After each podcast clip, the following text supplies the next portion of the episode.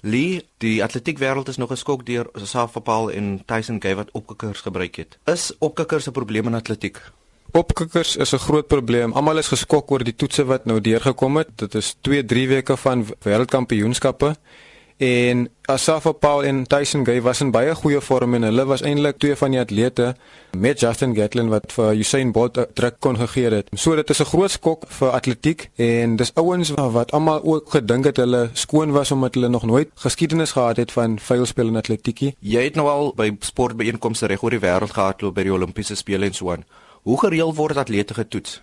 Op internasionale vlak word jy redelik baie getoets afhangende waar jy lê op die ranglys jou top 10, jou top 20 ouens vir die seisoen vir hulle 'n whereabouts vorm waar jy sê watter tyd jy oefen, waar jy is. So hulle kan enige tyd na jou huis toe na die baan toe kom om jou te kom toets.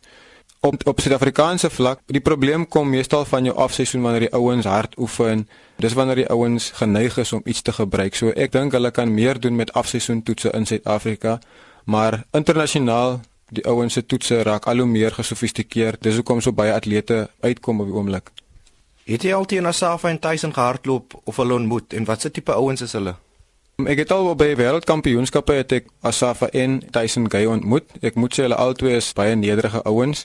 Tyson Gay is 'n baie uh, teruggetrokke, baie stil ou en Asafa is nou meer jou jou mense mens. So hulle albei is eintlik goeie ouens baie nederige ouens. En ek dink my eerste keer wat ek teen Asafa Paul gehardloop het ek nog nie teen Tyson Gay gehardloop nie.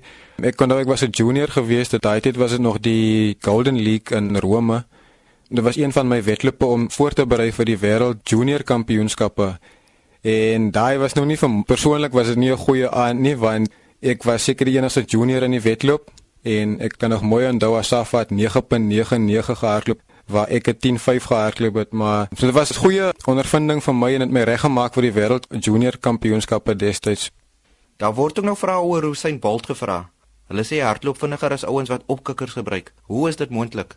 Ek dink is van selfsprekend dat al die oë nou op Usain Bolt gaan wees en almal gaan nou wonder oor hom. As jy kyk na al die ouens wat nou al die beste tye in die wêreld gehardloop het, jou Justin Gatlin was positief, Tyson Gay is positief, Asafa Paul. Die lys gaan aan. Almal het destyds gedink dat hulle skoon was. Almal het toe agterna uitgevind dat hulle verbode middels gebruik het. So al die oë gaan nou op Usain Bolt wees. Maar wat ek wel kan sê is almal weet wat 'n groot talent Usain Bolt is.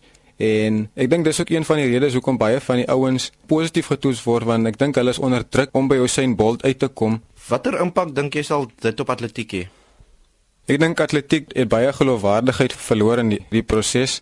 Dit kan amper vergelyk word met die uitkoms van Lance Armstrong. Baie mense het ook agterna begin sê jy jy kan nie 'n uh, Tour de France wen sonder verbode middels nie. En dis wat gebeur met atletiek. Mense begin nou sê is dit moontlik om daardie tye te hardloop sonder opkikkers? Jody Hendricks, RSG Sport.